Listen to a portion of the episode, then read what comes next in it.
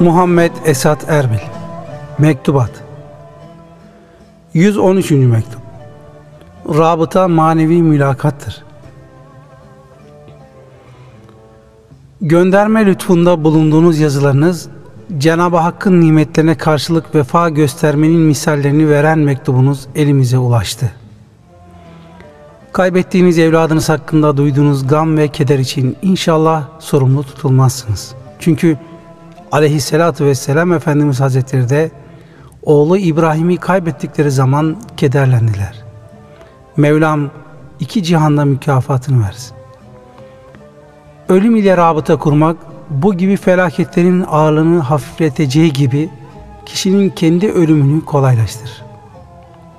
İnsanı huzursuz eden dünya sevgisini azaltır.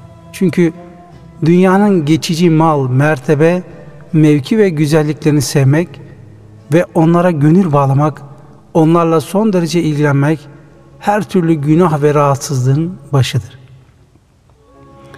Cenab-ı Allah kalbinizi bu gibi ilgi, sevgi ve bağlılıklardan korusun.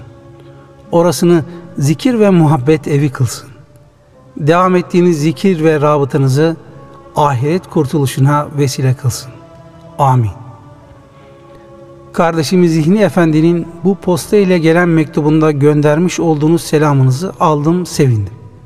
Aleyhisselatu vesselam Efendimiz Hazretlerinin ahirete göç ederken ümmetine Kur'an-ı Kerim ile ölümü çok düşünmeyi hediye olarak bıraktığı sizce de bilinmektedir. Meşahi Kiram Hazretlerinin de sadıklarla beraber olunuz ayeti kerimesinden hareketle Rabıta-i Şerife'yi ihvanlarına tavsiye etmeleri, sıkıntılı zamanlarında da bir teselli vesilesi kabul etmeleri teşekküre değer bir husustur. Fakir kardeşiniz, manen ihvanımızdan uzak olmadığım gibi muhterem ihvanımızda istedikleri bir zamanda bu fakir kardeşinizi şereflendirebilirler.